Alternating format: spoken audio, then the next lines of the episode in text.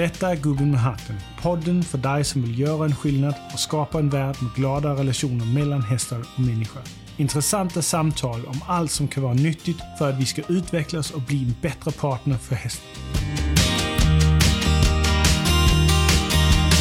Hallå, hallå bästa hästvänner! Hur har ni det? Har ni också fått stå ut med konstigt aprilväder? Hos oss längtar vi tills det blir torrt igen så vi verkligen kan komma igång med att färdigproducera vår distansutbildning. Planen är fortfarande att den ska lanseras i april så du kan få tillgång till den och få hjälp att skapa det partnerskap du alltid har drömt om.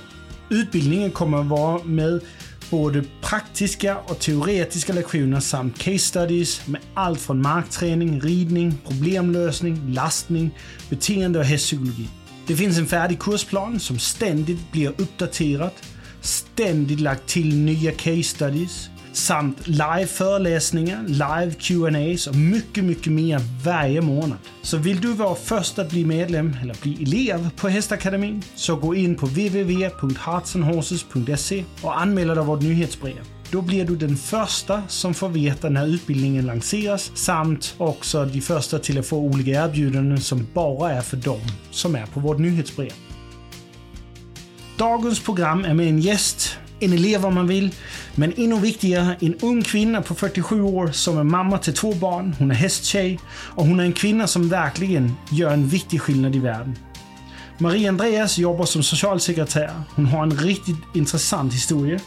Men rider västern och bygger upp ett partnerskap med en ponny hon har tillsammans med sin dotter. Ponnyn heter Eclipse, är ett korsningssto på 8 år.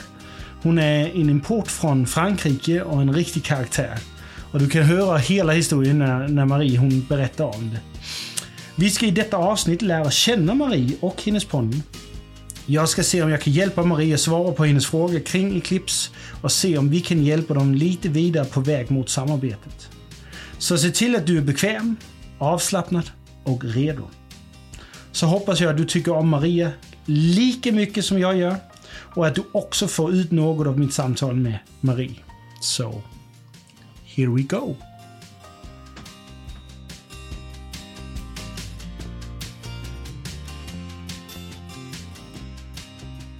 Hej Marie!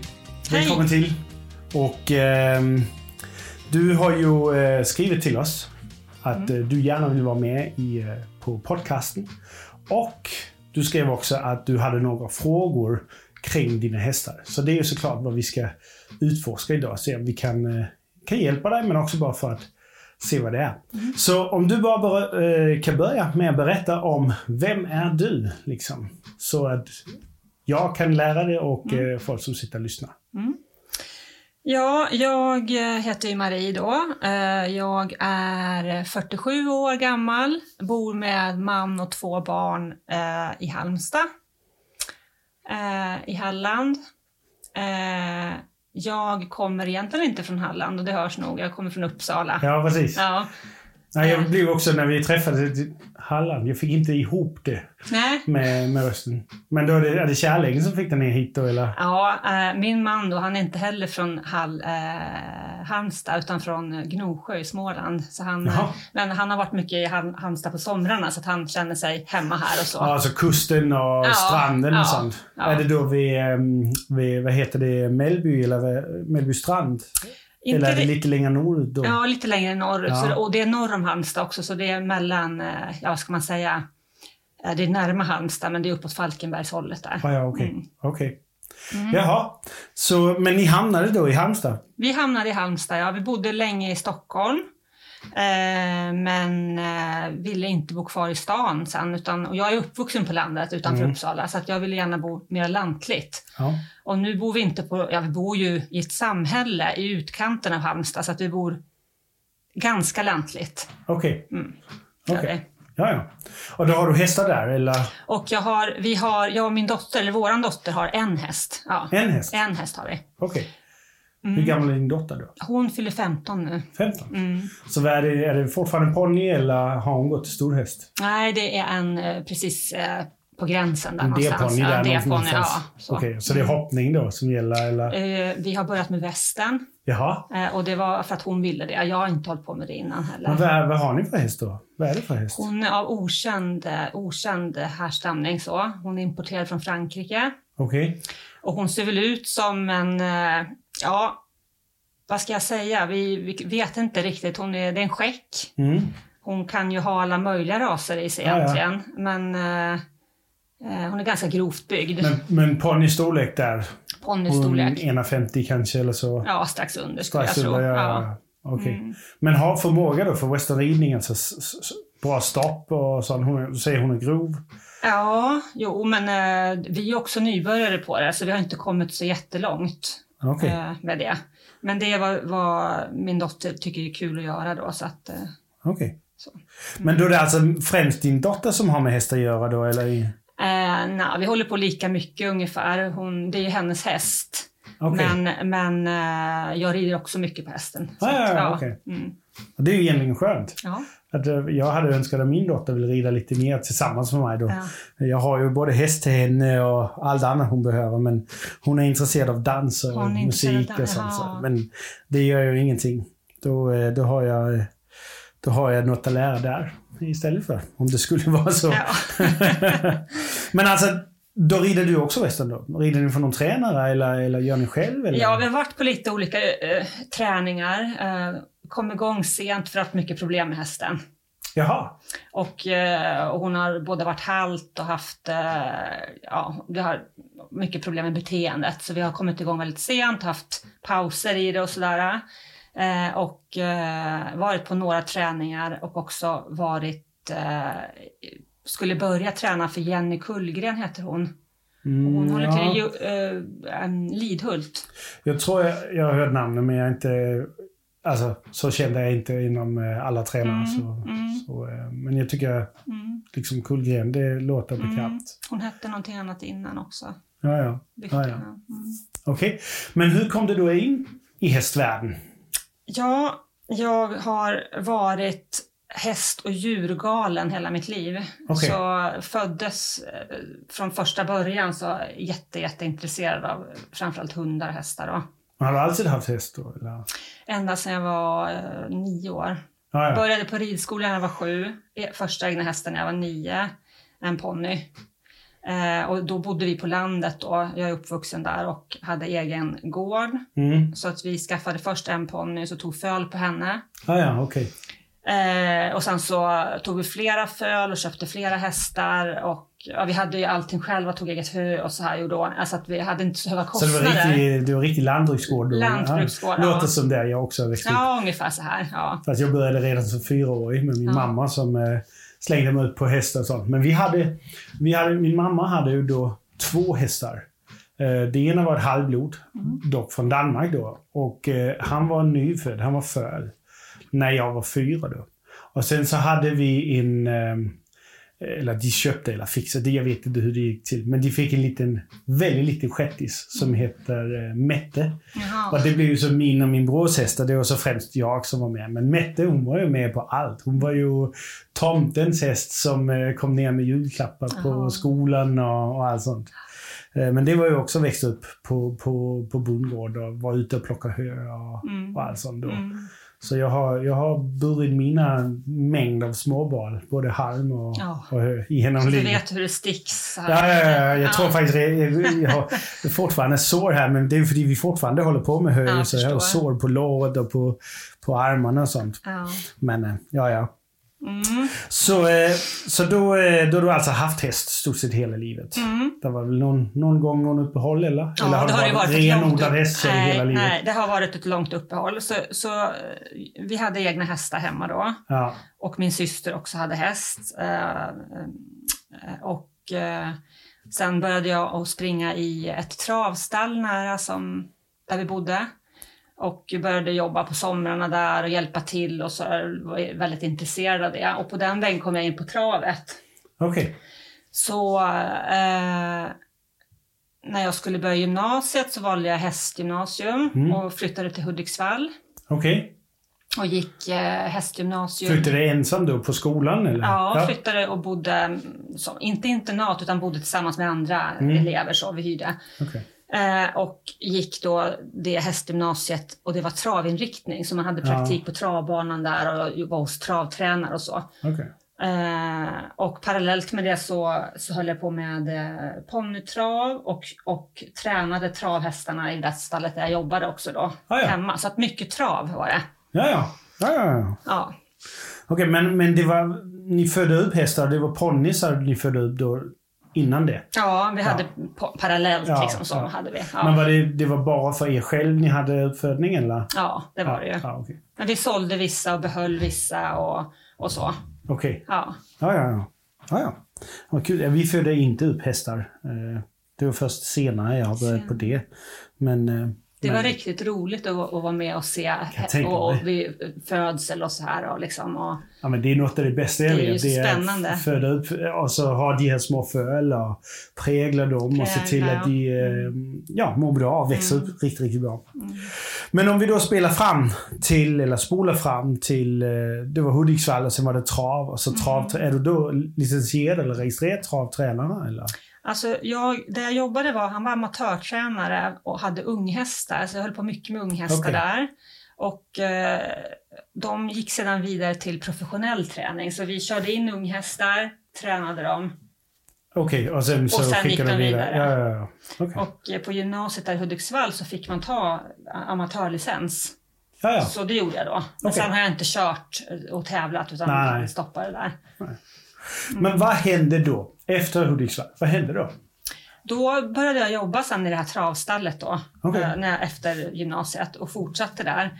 Men eh, det togs över, eh, den amatörtränaren, de liksom blev utköpta av en annan man som, som tog över stallet och hade jättemycket egna hästar. Mm. Och han gick i konkurs. Jaha, Så han, eh, det slutade där. då Ja. har du ingenting med det där. Mm. Sen har jag gjort en massa annat. Eh, Jag eh, åkte till reste, åkte till Australien och jobbade ett år. Där jobbade jag med turridning med hästar. Okej. Eh, ute i, då? vildmarken där, och det var ju fantastiskt kul. Ja, det kan jag tänka Ja, mig. 20 till 21 var jag 20 var där ett 21. år. Ja. Och jag har alltid drömt om att komma ner dit. När jag var liten, jag tror jag var 14 eller så, då skrev jag till Steve Irving, Ja, ja, ja. krokodiljagaren där. Jag skrev till honom och frågade om jag kunde komma i praktik, men jag vet inte om jag skickade till rätt ställe, för jag fick aldrig något svar. Men äh, ja, det är så lite för sent men det, det har alltid varit min dröm att komma ner dit. Jag sa, hur, hur kom det sig? Du äh, Det har också det? alltid varit min dröm att åka dit. Ja, Så det gjorde jag då. du gjorde det. Men, men för att kunna göra det så, ja, jag hade fortfarande egna hästar kvar. Eh, och eh, jag bekostade egentligen den, det året genom att sälja de hästar jag hade. Mm. Och mina egna hästar. Och min eh, syster hade någon häst kvar och sådär. Men hon är några år yngre, hon började gymnasiet och sådär. Vi hade inte tid att ha egna hästar kvar Nej, längre. Nej. Så jag var i Australien ett år och jobbade med hästar där. Vart någonstans?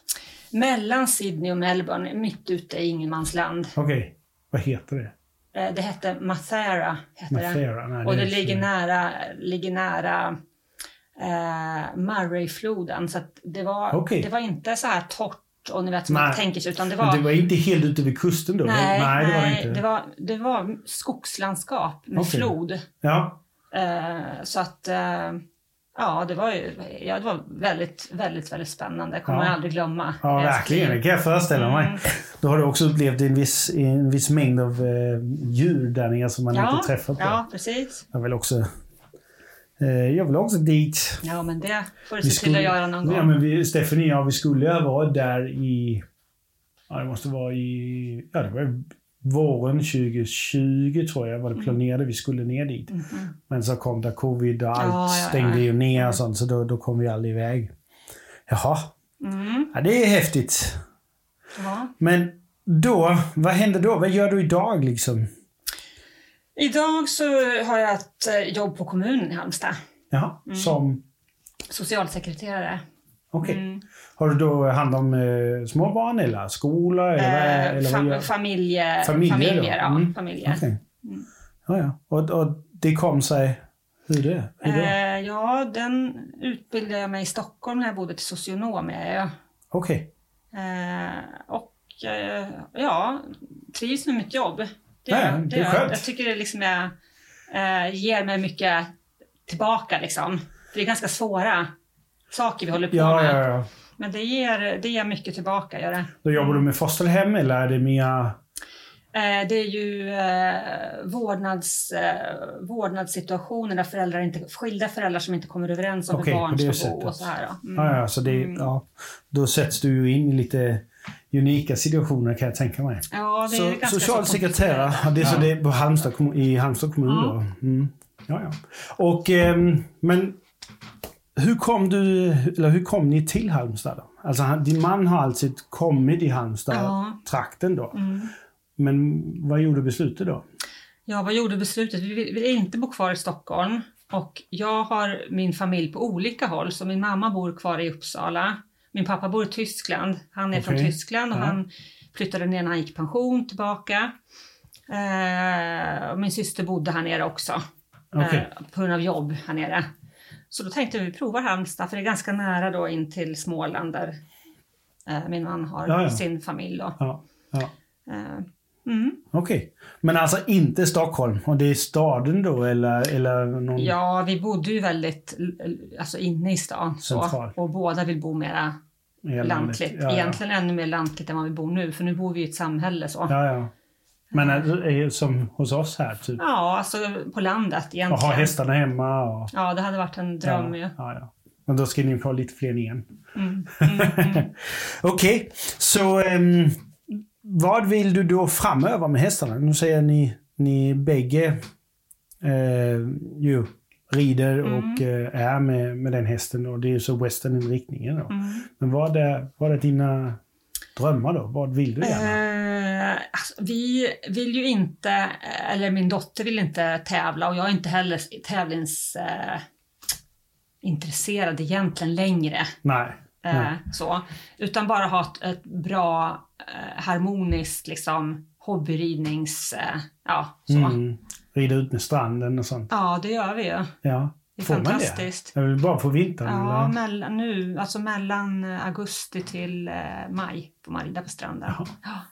Det är ju ändå trevligt i september. Och, Ja, det är fint. ja, ja, ja. Sådana här dagar är det jättefint. ju. ja, det kan jag tänka mig. Mm. Jag tänka mig. Mm. Det är länge sedan jag har ridit på en strand. Ja. Det senaste var väl... Ja, det räknas väl inte som en strand. Det är en sjöbred liksom, sjöstrand. Men det, det, det är inte samma sak. Jag har fiskat mest då på stranden. ja. Ja, ja. Så, så det är egentligen det ni vill, bara ha en, en en partner, en Mm, kompis då? mm, Okej. mm. Men om du då eh, skulle beskriva din häst som en individ. Hur vill du Ja. beskriva, beskriva? Är det ett sto eller Hon det är ett sto. Det är ett sto. Hon är, blir åtta år i år. Okej. Ja. Hon är eh, väldigt rolig, men svår att förstå sig på. Så när du säger rolig, vad betyder rolig då? Hon är väldigt tydlig. Hon har, någon, alltså hon har en stark integritet. Okej. Och- Och det menar du är roligt? Ja, det, det, är roligt. Det är roligt när man har lärt känna henne. Okej. För att då ser man och förstår alltså vad hon eh, Ja, ja, så mer som en, vill. hon, har, hon är en karaktär. Typ. Hon är en karaktär, ja. Mm. Och i stallet där vi är så har hon fått en, en liksom, vad ska man säga, stämpel låter ju fel, men hon, hon är ju på en egen häst, en speciell Mm. häst. Okej. Mm. Jag ska bara anteckna här. Vad, vad berättar vidare? Mm.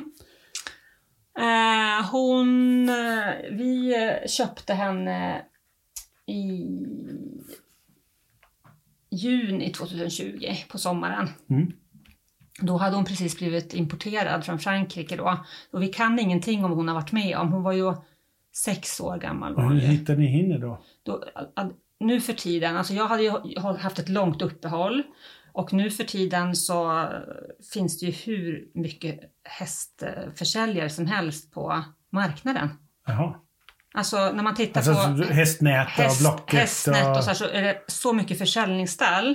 Och vi letade Ah. ganska länge efter häst och var och, och träffade hästar och sådär. Men liksom, nej, det, det var svårt. Det kändes svårt. Det är lite intressant för det har ju varit sådana här artiklar och skrivelser i de olika tidningarna om att det är brist Mm. på hästar till Mm. ridskolor och till lektionsstall Mm. och, och, sånt. Men om du säger det är jättemånga försäljningsstall där Mm. ute. Då måste det vara någonting som, alltså, som har gjort ett glapp då. Var, varför, varför säljer de dem så inte till det stället där? Det, Det tror så- jag de gör. Och det, Okej. De sa att de säljer ganska mycket till ridskolor. Ja, Eh, Men eh, det har nog varit en väldigt stor efterfrågan. För att när man pratar i det stallet där vi står med våran häst, nu kanske kommer av, av lite spåret här. det gör inget. Det är du bara pratar. Men eh, eh, vi, vi, vi har ju våran häst i ett stall där det står ungefär 12 hästar. Mm. Och eh, när man pratar där så är det ju många som säger liksom att det, när de letar häst, att det är svårt att få tag på hästar som är uppfödda i Sverige. Att man, Jaha. att man, det är mycket impo- importhästar och tittar man på Hästnet så är det också ganska mycket Det är för importhästar. det är, sport, det är sporthästar man tittar efter då, alltså hopp och dressyr och sånt eller? Ja, men även ponnys. Även alltså ponnys. Ja, att det kan vara ganska svårt. Det är ju en rätt, vad jag tror så är det en rätt så stor import från Irland i Mm, alla fall. mm. I, på, i ponny, Mm. ponnyvärlden. Men då kanske inte så mycket uppfödning här i Sverige då. Mm. Nej, men så har man hört. Ja. Det är det är mycket i. Irland som man... Okej. Ja. Men våran är ju då från Frankrike då. Mm. Eh, och där har vi ju ingen egentligen historik kring henne. Och ni hittade det bara på nätet då eller? Ja, det är ett, eh, ett stall som, som säljer hästar som importerar från eh, fransktalande länder. Jaha, så ni hittade ett svenskt företag? eh, Ja, ja vi importerade inte. Hon Nej, nej, men mm, okej. Mm, På det sättet? Mm. Ja, ja. mm, Det ser man ju också mycket med spanska hästar och, och, och sånt. Mm. Att eh, de kommer via en, ja, ett mellanled här i Sverige. Och även Okej. från, jag sett eh, liksom Polen och du vet, alltså andra länder så, Östeuropa, har, att det kommer ifrån. Mm. Jaha. Mm. Så vad gjorde att de valde just henne? Eh, ja, Och vad heter hon? hon heter Eclipse. Hon, kall- Eclipse? hon Mm. kallas för Klippan. Klippan. Ja. eh, hon... Eh, vi gillade hur hon såg ut och vi tyckte att hon, när vi provred en del hästar där, när vi kom, så tyckte vi att hon eh, verkade ganska så okomplicerad och ehm, eh, ja, men, eh, enkel att ha att göra med.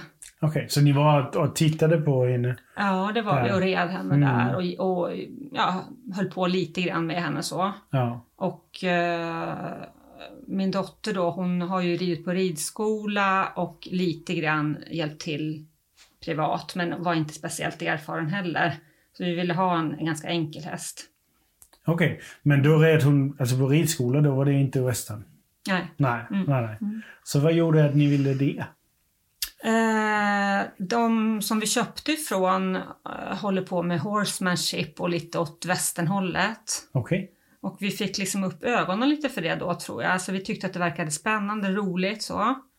Eh, och eh, vi köpte en västernsadel och tyckte att det var väldigt skönt att rida i den.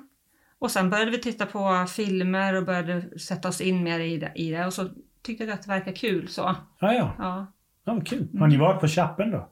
ja förut innan vi skaffade häst Ja, ja, har okej. vi varit. Men inte under Nej, westernhelgen och sånt? Nej. Nej, ja, måste- jo, jo, jo. En, Ja, ja, okej. det har vi varit. Men inte nu sen hästen. Nej, nej, det har varit nej. corona och så här. Ja, ja, ja. Ja, men det har varit, men det är jätte, jättekul. Ja, absolut. Ja. Det är ju, alltså, det är ju, självklart är det ju en tävling, men det är ju lika mycket som bara en Mm. livsstil att, Mm. att, att åka dit. Mm. Ju. Vi är där varenda år, eh, även om vi inte tävlar Mm.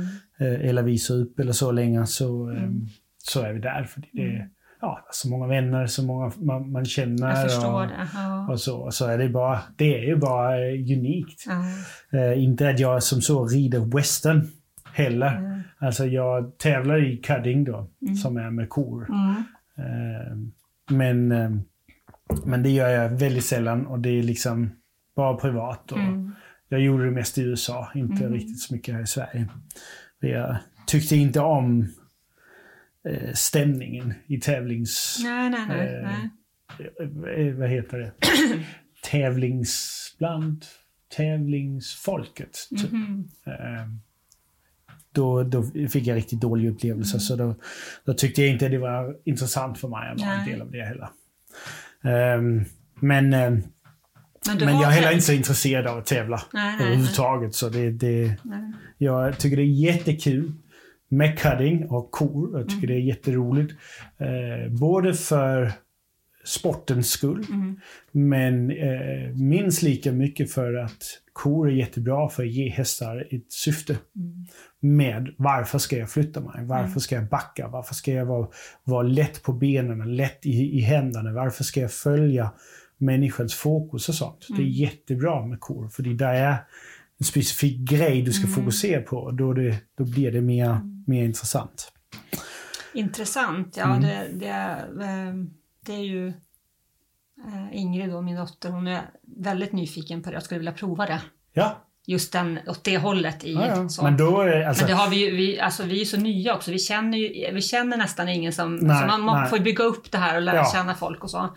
Och det, jag tror det är lite där att det är en, ehm, en brist i hästsverige eh, på westernsidan. Det är att det är väldigt få eh, ungdomslag och, och ungdomsgrupper och ställen där ungdomar lär sig tävlingsgrenarna inom western. Mm. Eh, Så det blir ju bara specifika tränare man måste åka till och de är inte alltid supertillgängliga Nej. eh, runt omkring.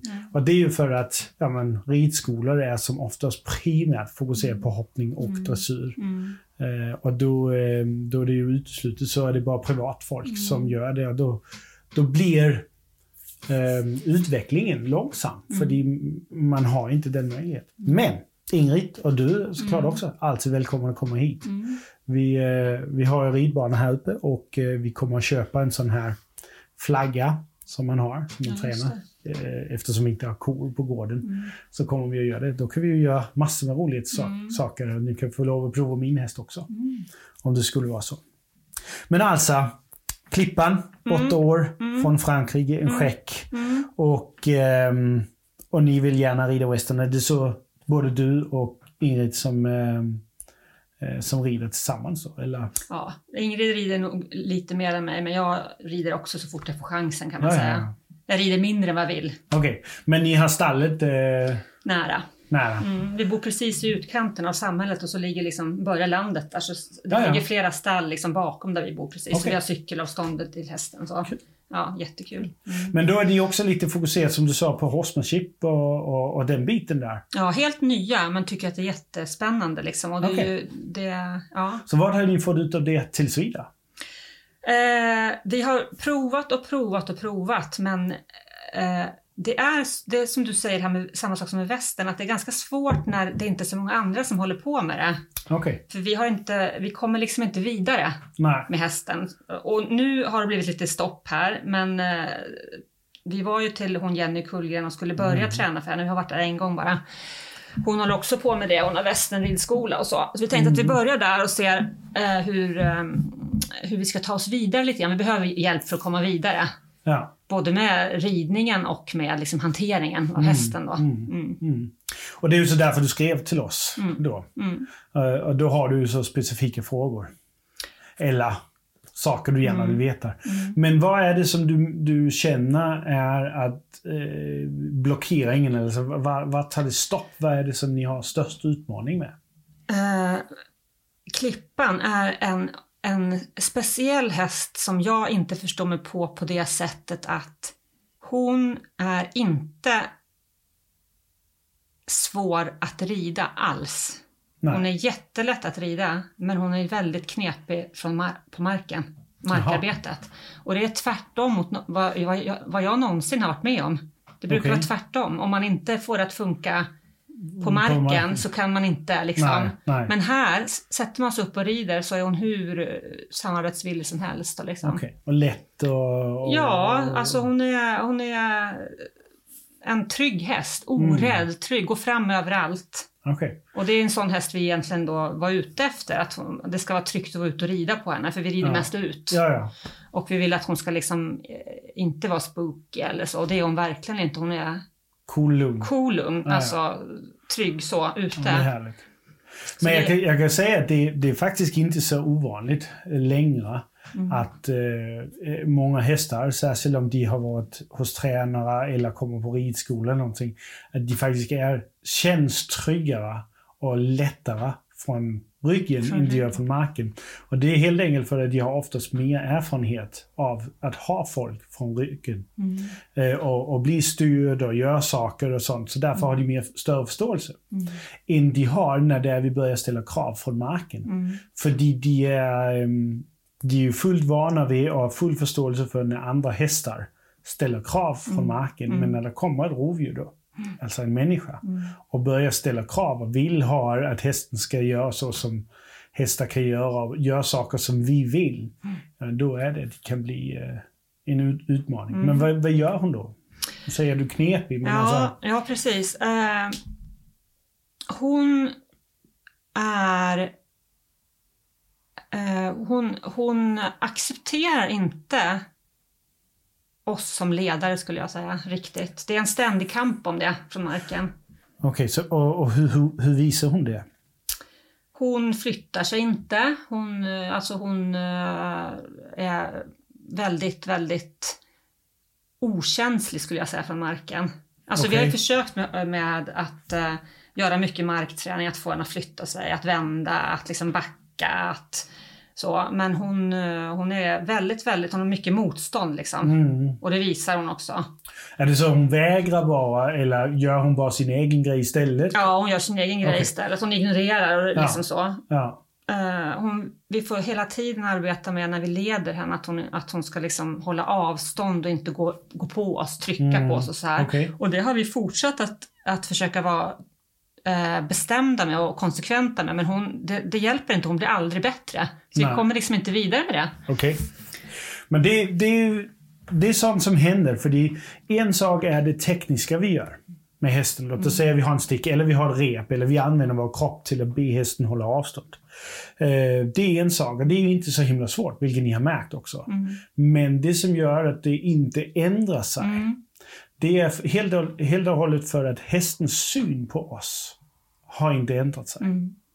Och det, det är det enda som kan göra den stora skillnaden för er.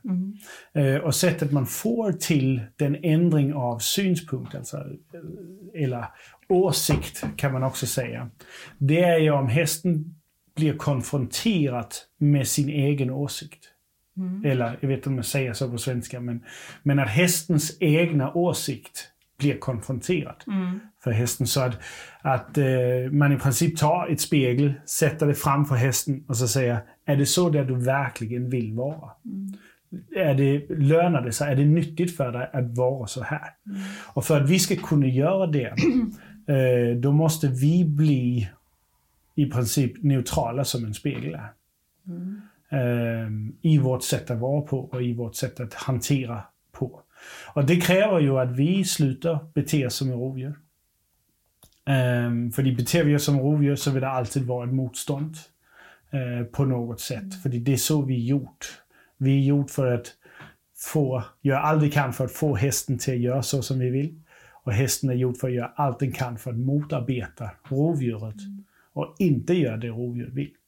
Så därför för att vi ska få just den biten att hända, då handlar det mer om ett sätt att vara på. Mer än exakt vad vi gör. Sen, ni har ju säkert fått riktigt bra tekniker till hur ska ni få hästen på avstånd, hur ska ni be den flytta sig och allt sånt. Och de är jättebra. Troligen. Och ähm, ähm, grunden till att de inte fungerar permanent, det är för att det bara har varit tekniska lösningar. Men själva problemet är mer mentalt och emotionellt. Och då måste vi hitta mentala och emotionella lösningar för att det kan ändra sig. Och det, det vet du säkert till med tanke på ditt arbete som, eh, som socialsekreterare när du jobbar med ehm, ja, föräldrar som är oense och barn som hamnar i mitten och allt sånt. Ja, men en sak är att man kanske kan gå in och sätta ett stopp och situation och nu, nu görs det så här. Men det löser ju inte det bakomliggande problemet. Och jag antar att det är sånt som ni verkligen jobbar med. Är det bakomliggande problemet för att det ska bli bra för framtiden. Inte bara nu här. Ehm, och det, det är detsamma som gäller här egentligen. Att vi ska läka relationen mellan er och hästen. Och det är inte för att ni är otrevliga eller så. Men det är bara hästen har en uppfattning om er som bara inte stämmer överens med sanningen. Mm. Och det är den ni måste lära hur ni kan visa. Det är inte jättesvårt. Mm. Det betyder bara att de saker som ni gör redan kanske ni ska göra på ett lite annat sätt. Mm. Ni behöver inte göra andra saker som så, eller helt plötsligt skaffa ny utrustning eller, eller sluta helt och hållet med att göra saker. Det behövs säkert inte. Men det ni gör, gör ni med ett annat fokus då. Mm. Och då är alltså det, det jag känner som är det lättaste sättet att skapa den relationen och ändra åsikter, det är genom samarbete. Och för att vi ska ha samarbete, då måste bägge parter vara lika involverade. Mm. Som oftast när vi har hästar, då är det mest oss som är involverade. För det är vi som vill saker och allt sånt. Och då ser vi ju hästar som ja, antingen vägrar, bara vägrar göra det som vi vill, eller som du säger, gör sin egen grej istället. Mm. För de vill hellre. Och då blir vi som två individer som bara går runt bredvid varandra, men vi gör inte riktigt något tillsammans. Nej. Och då ska vi hitta eh, samarbete. Mm. Ehm, så är det bara när ni leder eller är det något mer specifikt? Eh, det är när vi leder henne, det är när vi jobbar med henne för, alltså från marken. Longering och sånt? Ja, longering. Eh, och då har vi ju provat väldigt mycket, inte longering bara för att hon ska eh, alltså, sig. motionera Mm. utan liksom just där för att få kontakt och så. Att, Ja. att vända, att stanna, att stå och tänka, att Ja. komma till oss, att titta på oss och så.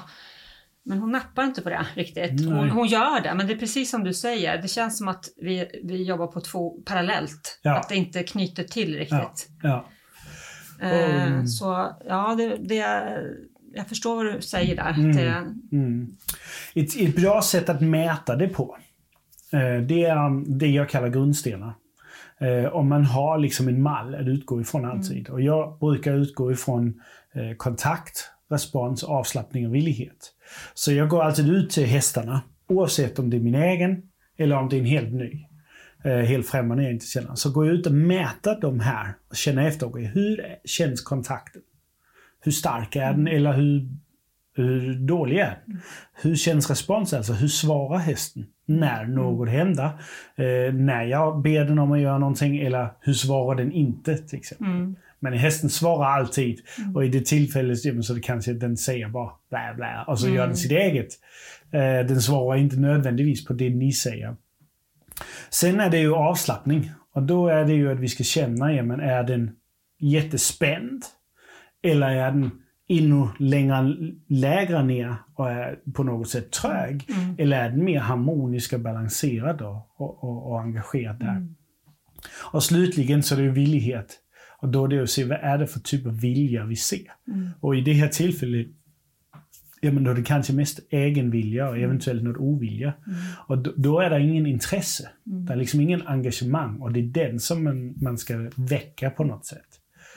Och, ehm, och då är det att lära sig. Men det låter lite som att ni kanske behöver öka kraven. För att få lite engagemang. mm, Och sen är det när ni får engagemanget från hästen. Att om vi säger, nu gissar jag bara, hon kanske är lite, känns lite trög av sig från marken. Inte flyttar sig så mycket och går lite långsamt och mm, ja, kanske drar lite i repet och sånt. Mm. Ja, men om hästen är lite trög så kan det vara bra att försöka motbalansera det. Så om du föreställer dig att du har en skala med 10 och 1 och så 5 i mitten. Ja, men då har hon hamnat nere på kanske två, tre stycken. Så för att få balans, vilket är 5 i mitten, ja, men så, så ska ni på något sätt kräva en 8 mm, av hästen. Och låta henne själv dra sig ner och hamna vid mitten. Och när ni får den engagemang på en åtta och sen låter det liksom hamna i balansen, det är då ni ska visa uppskattningen. Det är då man i så fall ska belöna, eh, ge lite godis eller någonting sånt. Eh, eller ge hästen utrymme eh, på det viset. Så man visar uppskattning för engagemanget. Mera än att man visar uppskattning för bara, låt oss säga, en förflyttning eller tre steg framåt eller två steg bakåt eller något sånt. Så, det, så är det att mäta engagemanget. Och det är det vi då uppskattar. Så om, om vi säger en enkel sak som ni ber hästen backa. Mm. Ja, men en sak är att den kanske går tre steg bakåt. Men det är liksom, den drar fötterna, den tittar på något annat och sånt. Ja, men den form av engagemang vill vi inte uppskatta. Den vill vi inte belöna eller berömma. Uh, för att det är ju inte samarbete riktigt. Det är bara att den gör något. Det vill vara detsamma som jag, jag bara min dotter tar disken till exempel. Mm. Hon gick och muttrade hela tiden och sånt. Då är man inte motiverad av att göra något extra utav det. Mm. Men om hon liksom ja, kanske kom på egen hand och sa hej, ska jag inte hjälpa med det här? Mm. Ja, men då blir man ju själv motiverad till att göra något extra utav mm. det, för det är ett annat engagemang. Mm.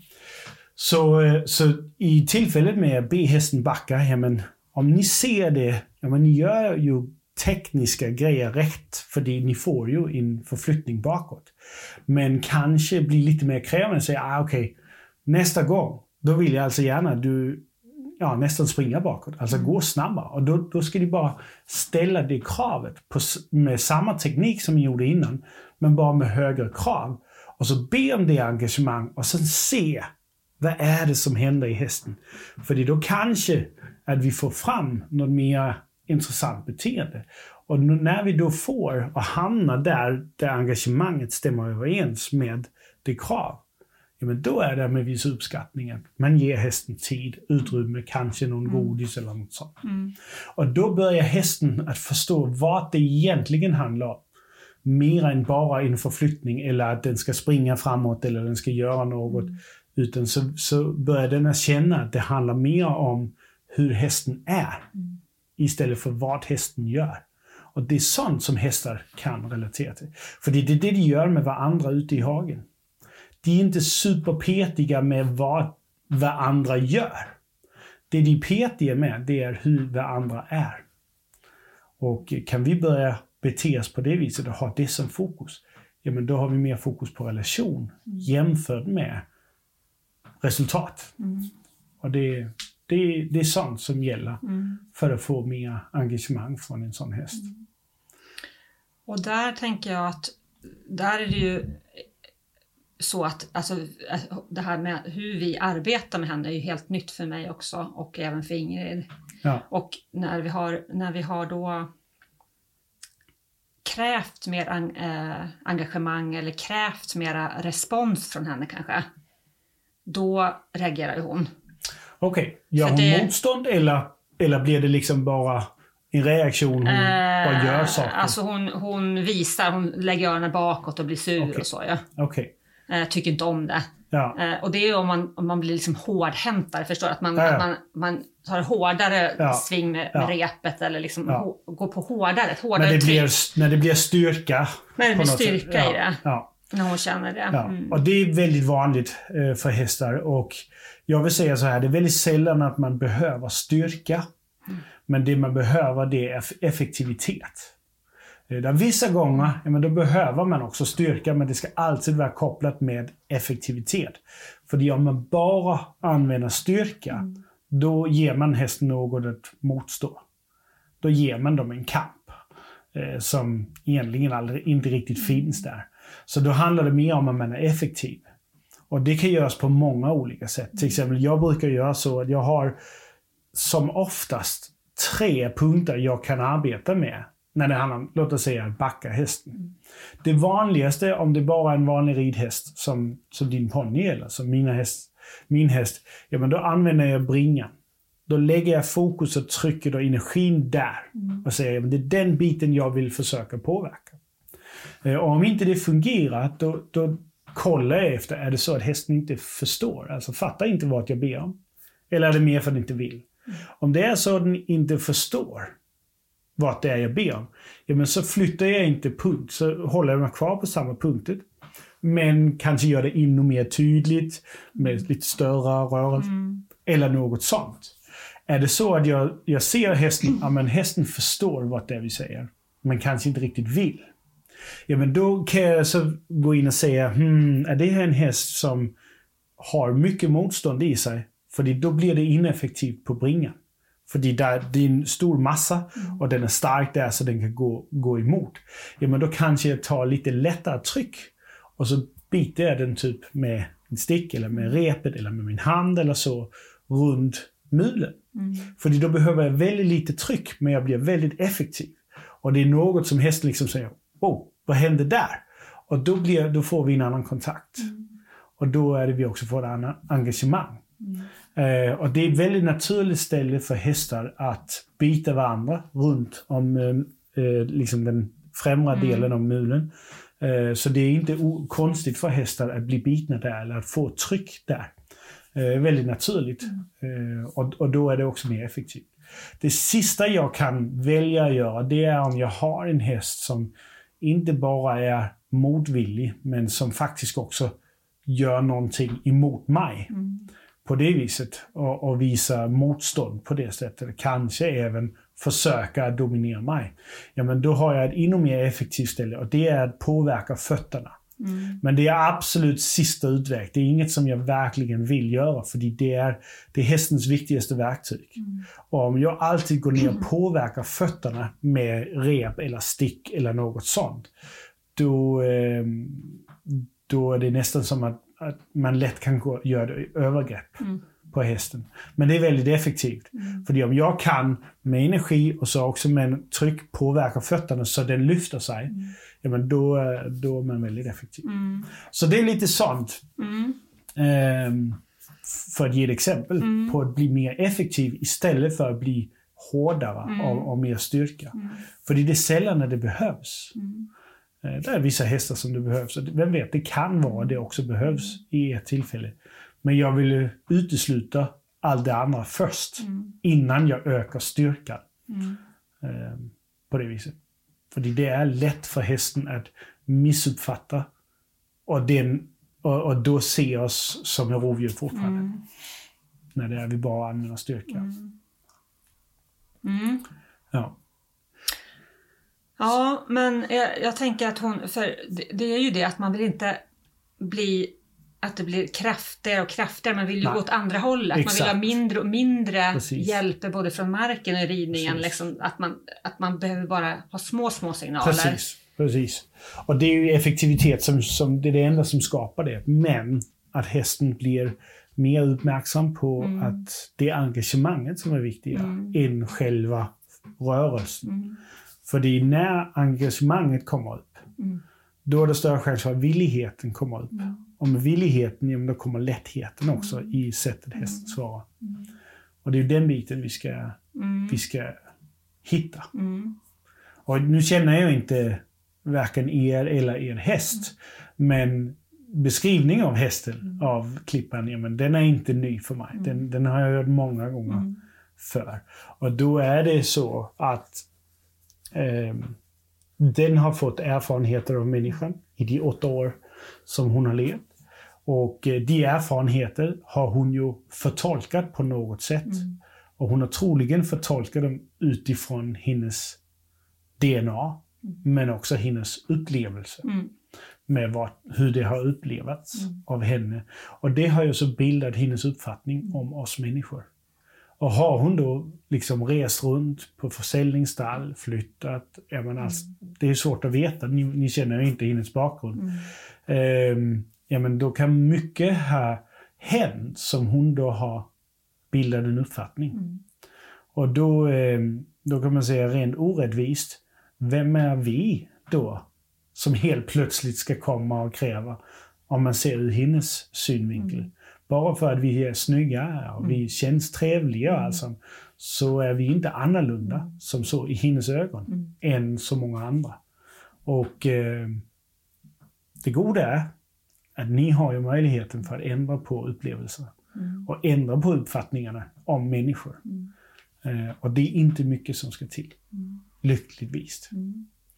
Eh, och det är ju egentligen bara i allt vad man gör. Allt ifrån att om man har hästen på box, sätter man tar dem in och ut, sätter man ger dem mat på, pysslar med dem, på täcke, av täcke, mm. grimma på.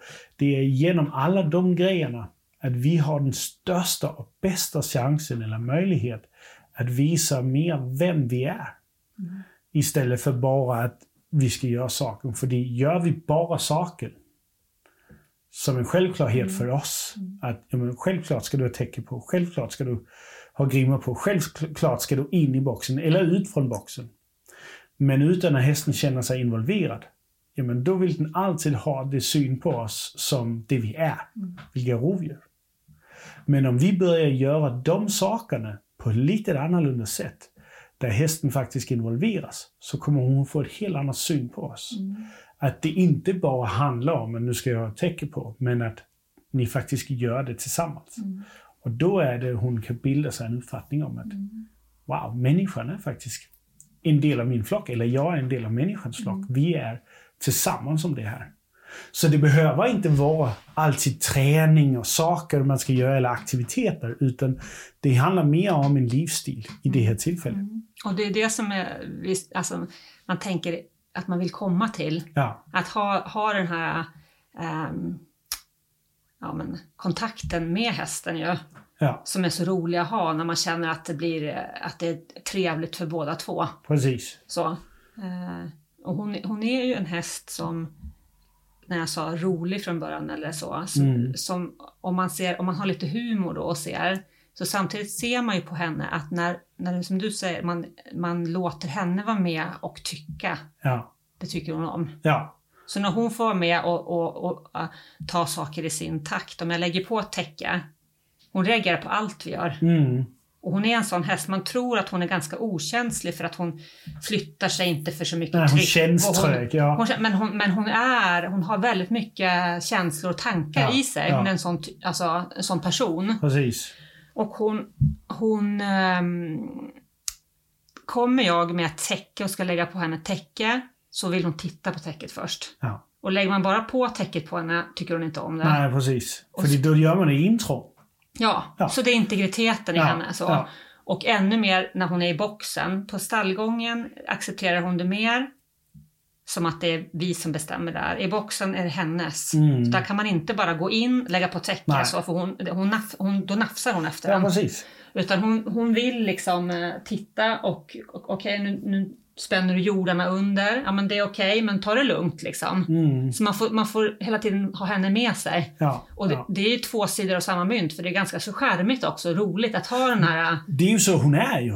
Hon är så, Eh, ja. Och det är ju hennes karaktär. Mm. Så, så man måste ju ha det med. Och jag, det är ju lite det jag älskar, det är att lära känna den Mm. karaktären. Liksom, vem är klippan Mm, på det sättet? mm, Jag är sällan väldigt intresserad av resultat. Vad kan jag få hästen till att göra? Men, Mm. men vem är hästen? Det är det som är mm, intressant för mig. Och det är jätteviktigt. Och det som jag har, har märkt eh, genom tiden det är att många hästar har en rätt så stark integritet. Eh, och, vi, och de föds med en väldigt stark, särskilt kroppslig integritet. Alltså ska inte ha saker nära på kroppen. mm, Eh, men också en, en mental och emotionell integritet. Och ehm, sen eh, är det vissa hästar som eh, med erfarenhet och mogenhet, ja, men så släpper de den in- integritet för de, ja, det är ingen, de ser ingen anledning att bry sig. Men de hästarna som är lite mer vassa i huvudet, lite mer intelligenta av sig, håller som oftast kvar den integritet längre tid. Och, och skydda den och försöka förvara den på något sätt. För att det, det är viktigt för dem med, med en integritet, kroppslig integritet, integritet också. Eh, och då är det ju ännu mer viktigt att man involverar dem. Och att man erkänner intelligensen som hästen visar. mm, Eh, istället för som, som du säkert har upplevt eh, många gånger, det bara åker ut till, till många, alltså olika stall, ja, men så ser man att vi människor har en tendens till att ta hästen för givet. Och ta vardagsgrejer för givet. Ja, men självklart ska du ha täcke på, det regnar ju, det fattar du väl? Alltså då tycker jag att du ska ha täcke på. Men vi frågar inte hästen om tillåtelse. Och det kan låta lite romans det med fråga om tillåtelse, men, men som du säger, ja, men vi låter inte hästen nosa på det. Vi gör det bara. Vi involverar inte hästen. Vi gör det bara. Och detsamma gäller med grimma eh, på och av. Eller nu ska du in för att jag vill att du ska in. Ja. Nu ska du ha mat för att jag vill att du ska ha mat. Typ. Eh, nu är det inte så ofta att hästar säger nej till mat, men, men bara hela den här biten med att de inte riktigt blir involverade.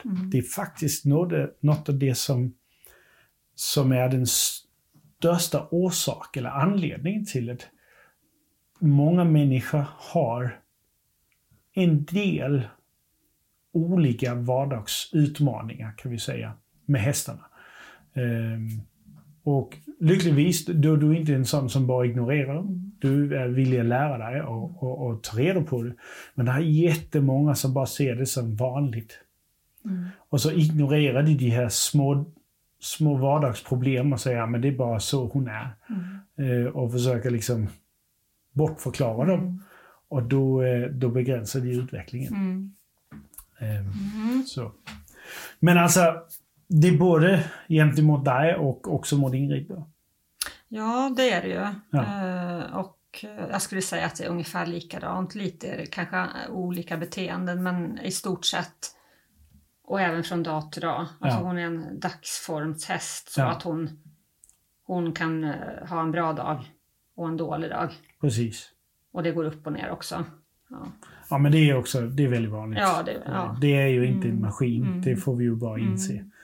Mm. Men, men det, är, det är alltså att just förstå det här att, att fråga efter att vad tycker du om det här eller hur ser du på det här? Att låta henne liksom eh, vara med på det ja. Eh, är nästan en förutsättning med just henne. Mm. För hon, hon, annars är det jättemycket motstånd och jättemycket och hon accepterar inte, hon blir ilsken liksom. Ja, men för det, hon känner ju att man gör det intro. Ja.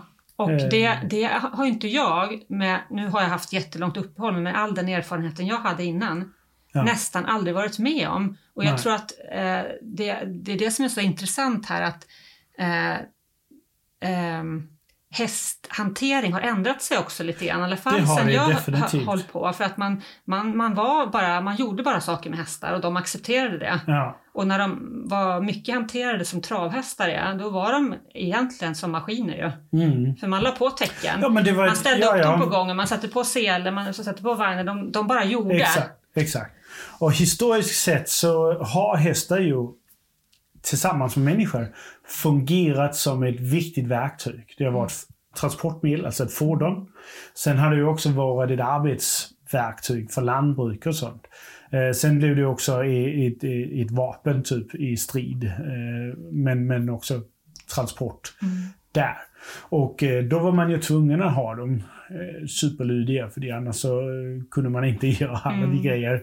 Så då, då var häst hållningen och hästhanteringen men också hästfilosofin var väldigt mycket annorlunda förut. Sen ändrade det sig när man inte längre behövde hästar så mycket i lantbruk. Mm. Då var det i princip bara eh, transport och eh, eh, vad heter det, eh, strid, alltså mm. krigsförsel. Eh, sen så slutade man använda dem i transport. Mm. För bilen blev uppfunnet och, och, och, och sånt. Och då och fler och fler flöd, äh, flyttade in till, till städer också. Och då gick man runt istället. Mm.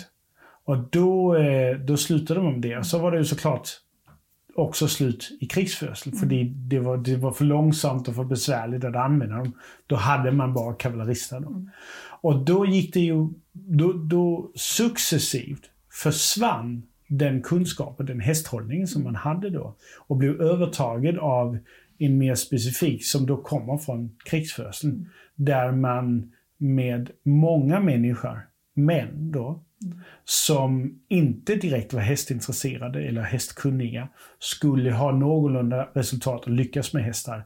Och då var man tvungen att komma ut med ett, ett eh, system som alla kunde följa. Och eh, det var ju då där man började i princip bara kuva hästen så att den inte hade någon liksom, åsikter. Mm. Och då blev det mer som en maskin. Mm. Men det kunde bonden inte ha. Mm. Bonden kunde inte ha en maskin, han var tvungen att ha en relation mm. för att det skulle fungera. Men det hade han också, för som du växte upp på gården, ja men man lever med djuren. Mm. Och, och, och, då lär man känna dem och då får man en helt annan relation, vilket jag också är säker på eh, är med till att du i din uppväxt hade en annan umgänge med hästar, mm. eller med djuren. Eh, där det bara fungerade. Och ja, ja men så var det tävling och, och sånt.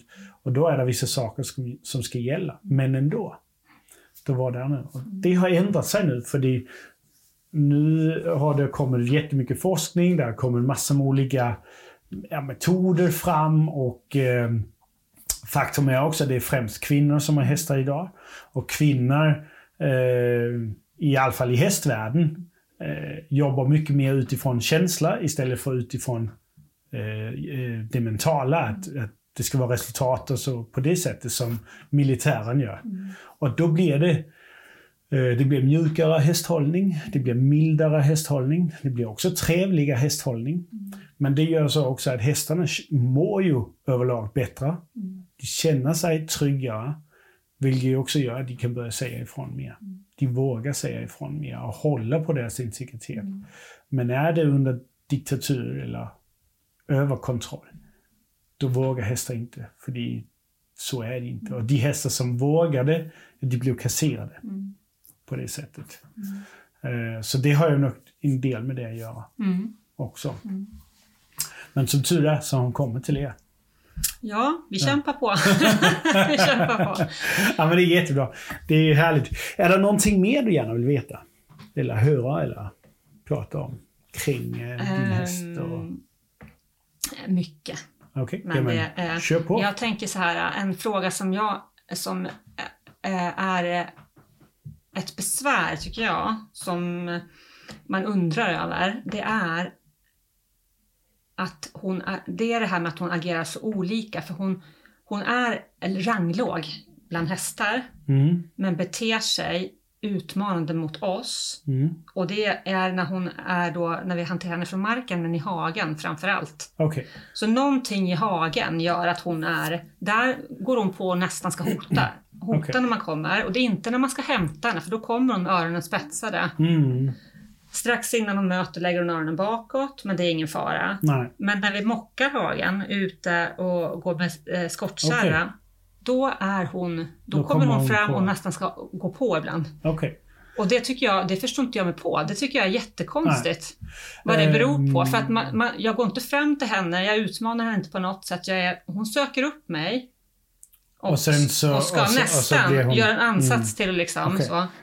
Um, och det är ju märkligt tycker jag. Och om jag, om jag liksom då säger åt henne att så gör du inte. Mm. Då backar hon knappt undan. Okej, okay, så då hon liksom, gör hon motstånd? Ja, det gör okay. hon. Hon okay. visar verkligen att jag accepterar inte att, att du... Okej. Ja. Det bottnar i eh, flockdynamik. Eh, naturlig flockbeteende. Om vi föreställer oss en flock på tio, eller vi kan också bara ta fem, bara för att göra det eh, enkelt. Um, alla hästarna, alla djuren i den flocken har de samma uppgifter. Och uppgiften är att hålla koll på rovdjur, hålla koll på omgivningen. Det är att stå ihop, alltså stå tillsammans för säkerhet. Och så är det ju att skydda. Det, alla har de, de roller. Och det betyder att, att när det kommer för hästen ett störande moment, deras första tendens är vaktsamhet. Så de tittar på det. Och om det då händer regelbundet och igen och igen mm. igen, så är de inte vaktsamma. Så är det nyfikenhet som tar över.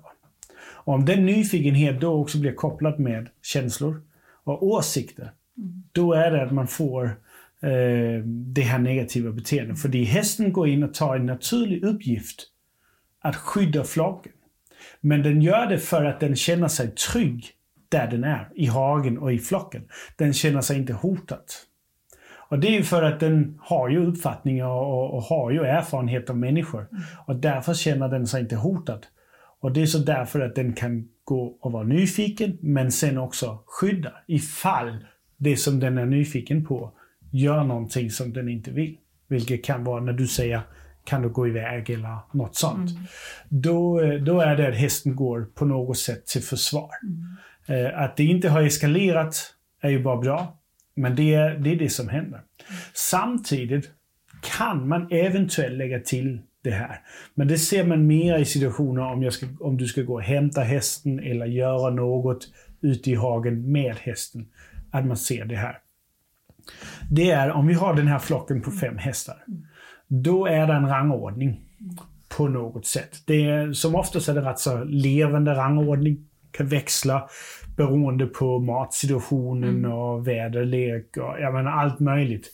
Eh, om det är liksom in och ut ofta och sånt, så växlar Men det är alltid en rangordning Mm.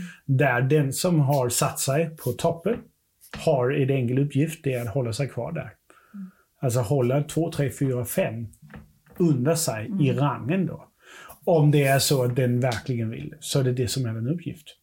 Och nummer två ska ju då egentligen antingen försöka ta över nummer ett eller lyda nummer ett, för den inte kan ta över, för ettan är ju mer dominant helt enkelt. Men sen ska tvåan ju så kämpa också med tre, fyra och fem för att hålla den plats. Och det är ju så det går hela vägen ner. Och då har vi ju så, låt oss säga stackars nummer fem ska ju i princip bara kämpa och lyda alla andra. Men om den är så pass trygg med människor och i situationen och i miljön att den då ser, ah, okej okay, nu kommer den människan här, vi kommer in i hagen. Då kan den hästen säga, där kommer nummer sex. Mm. Och då är det dens uppgift att kämpa med nummer sex och med nummer fyra om platsen. Liksom, att höja sig men också att hålla nummer sex under sig. Så inte den, den, den blir så. Det är en levande dynamik i alla flock, hästflockar. Att, uh, att göra så. Och blir flocken då större Um, och det är som oftast är skiljepunkt vid sex, men det varierar väldigt, väldigt mycket. Men blir flocken större, ja, så, så, så, så slutar den här rangordningen egentligen med att fungera. Troligen kommer den tillbaka bara vid mat, om det är många. Men annars så, så bildar det ett samhälle med små familjer. Mm. Då istället. Mm. Eh, särskilt om det är ston och vallackar blandade. Om det är bara vallackar så gör det det inte. Mm. Så håller det sig i en ungkarl flock. Är det ston, ja, då, då, då skiljer de sig också. För ston går som oftast inte alltid tillsammans. Mm. För de, de ska liksom sära på varandra för det handlar om beteckning. Mm. Och hingstar, ja men de tar bara, de är inte tillsammans med, killar är inte tillsammans med andra killar om det finns ston i närheten. Annars så håller de sig Mm. eh, insamlade ungkarlflock. Så det kan vara sånt som händer. Men troligen, det ser man som oftast när det är vi försöker komma ut och hämta dem eller göra någonting med de andra hästarna. Eller den hästen, så kan vi se den här, att den ser det som nummer sex då, eller nästa led i, i flocken. Eh, men att den kommer att attackera, eller låt oss säga utmana Mm. när det är du mockar och inte egentligen har någonting med hästen att göra. Hot, hotar jag. Hot, hotar jag. Ja. Då, eh, då är det troligen mer baserat på att hästen känner sig så pass trygg att den vill skydda harmonin i flocken. Eh, och att den känner att den kan liksom skydda harmonin och, och miljön Mm. eh, på det sättet. För hade den varit mera emotionell, hade den varit lite mer rädd av sig, så hade den inte gjort det. Så hade den gått så långt bort från det där som den kan. Så det är ett tecken på att hästen känner sig trygg i miljön och med människan. Men det är också lite ett farotecken att den känner att den har så pass starka åsikter att den faktiskt ska hota och, och skydda och sånt. Det är ju inte det vi vill. För då ser den dig inte riktigt som en del av flocken. Då vill ju den ju inte ha att du är där. Och det är en, det är en bit som, som ska ändras på. Mm. Så att det blir ersättat med, oh, kan jag också få lov att vara med? Nyfikenhet och, och engagemang. Och det är, det är sånt som, som man ska ändras. Men, men att den hotar och utmanar och eventuellt också, äh, jag har ju varit med om att hästar har attackerat när man har gått och mockat. Och det var ju, du pratade om den livesändning med, med koppen där inne i ridhuset också. Eh, det var ju ett av de problem de hade också. Att när de gick och mockade i hagen, ja men då attackerade hon Mm. direkt. Liksom. Lite som du eh, beskriver här. Och våran kommer ju, hon kommer ju med öronen framåt och ser nyfiken ut. Ja, ja. Men sen kommer hon och ställer sig och nosar då i kärran och Ja. så. Och om jag då alltså närmar mig, för jag kommer med nästa grepp och ska släppa, Ja. då lägger hon öronen bakåt. Och ja, alltså antingen om man går närmare eller om man ska gå därifrån, så då kan hon nästan Då göra så mot den. Okej. Och då Men- eh, liksom säger jag till på skarpen då. Ja. Och då stannar hon ju bara, men vill jag henne vilja flytta henne då så får jag ju liksom putta på du, henne. ja, okej. Så hon har aldrig Ehm. attackerat men hon har verkligen gjort små, så här, markerat upp liksom. Mm. Det med öronen bakåt, eh, det är bara en förväntan. Hästen har en förväntan till att någonting ska hända som har hänt tidigare. Eh, och då är det viktigt att vi bara inte bekräftar den förväntan. Och inte gör något som, som kunde ha hänt tidigare. Eh, sen är, är det ju viktigt också att vi ska kunna säga, hej, kan du ge mig lite plats och utrymme? Precis som hästar gör med varandra också. Eh, och, och då är det ju viktigt att, att egentligen att det inte kommer den här motstånd som du upplever. Eh, att det liksom, den ligger precis under ytan, det är, det, det är nära att det händer. Och det är ju igen, det är inget specifikt. Det jag i så fall hade gjort, det var att jag hade sett till att kanske ha en stick med mig. Så att jag har någonting lite mer effektivt i grepp. att skicka bort hästen med. Eh, för att jag skulle känna mig säker och trygg med, med att göra det. Eh, men annars så handlar det om, som vi har pratat om innan, att det är relationen som ska läkas. Det är att öka samarbetet, engagemanget, att hästen känner sig involverad. Så att den börjar få en helt annan synpunkt, alltså se på oss med andra ögon. För det är allt som du beskriver är förväntningar och förväntningar kommer av åsikter som man bär med sig. Mm. Eh, Som ju såklart är baserat på tidig erfarenhet. Mm. Och det är inte till att säga vad som har hänt. Det betyder inte nödvändigtvis att vi har varit otrevliga. Men det vi har gjort har hästen då feltolkat eller missuppfattat. Det kan också vara att den har tolkat rätt för att man har varit otrevlig. Det, det, det vet vi ju inte. Eh, Men det viktiga är ju så bara framöver att vi inte bekräftar de förväntningarna. Men vi ja, egentligen skapar nya. Så eh, en sak du kan göra som kan vara jätteeffektiv och väldigt enkel, det är att när du ska ut och mocka, så har du bara mat med i fickan. Någon morotbit eller någonting sånt. Och när hon kommer och är nyfiken, jamen så är det bara snabbt ge henne morot och annars ignorera. Eh, och sen så kan du ha med en spö eller ett rep eller en stick så som jag använder. Eh, som är mer effektiv till att skicka bort hästen med. Men så är det, jamen så pausar du, du ställer dig, eh, låter skottkärra och grepp vara, sen tar du det, den utrustning. Om inte du vill gå på med händer och sånt. Och så, så, så mjukt men effektivt så skickar du hästen liksom iväg. Så, Nej, men nu vill jag ha min frihet, jag vill ha min utrymme. Jag tycker inte du ska vara en del av det här. Så skickar du bara hästen iväg. På ett mjukt och milt sätt, men neutralt också. Så det inte blir det här motstånd och kamp. Och då, eh, då slutar hon med att bry sig. Helt enkelt. Men det kan vara en bra idé att ha någon liksom, matbit med. S- Igen för att ändra förväntan. Ehm, Det kan vara är- värt att prova för vi har Ja. ju hittills tagit rådet att inte till exempel handmata eller mata för hon blir väldigt, väldigt alltså på. Mm, ja, ja. Så att hon är den typen, liksom, att, Ja. hon, att hon nästan går på ändå och, och hon verkligen alltså, hot, ska hota sig till mat. Ja. Men man vet ju inte om det är tvärtom, att hon ser då att... eh, Ja, liksom- det, det är ju svårt för mig också att, att säga om det är så. Eh, mat är ju ett väldigt powerfult, kraftfullt verktyg eh, att använda. Och eh, man måste vara medveten om liksom, hur man gör det. Men eh, det är riktigt bra verktyg för att ändra hästens åsikter Mm, också. förväntningar. Ja, precis. Förväntningarna där. Mm. Eh, Så, så definitivt vill jag rekommendera att göra det. Jag matar alla mina hästar rätt så ofta med mat från handen också. Jag har som oftast alltid mat eller morötter med i fickan när jag ska rida eller träna eller åka ut eller så. För att det är så kraft, kraftfullt ett verktyg. Men jag är också väldigt mån om hur och när jag ger det. Så eh, det är väldigt sällan när jag gör typ trickträning eller, eller den biten. För att jag vill inte att det ska ta över och bli beroende av den biten för samarbete. Men jag kan använda det som ett verktyg till, till exempel med en häst som, som, eh, som er. Eller den jag, som vi var på livesändning där jag också pratade om det här med mat och, och klickarträning. Då kan jag använda det som ett verktyg till just att ändra hästens förväntningar. Och, och därmed också hjälpa till att ändra åsikterna. Så att vi kan skapa ett mer hälsosamt samarbete.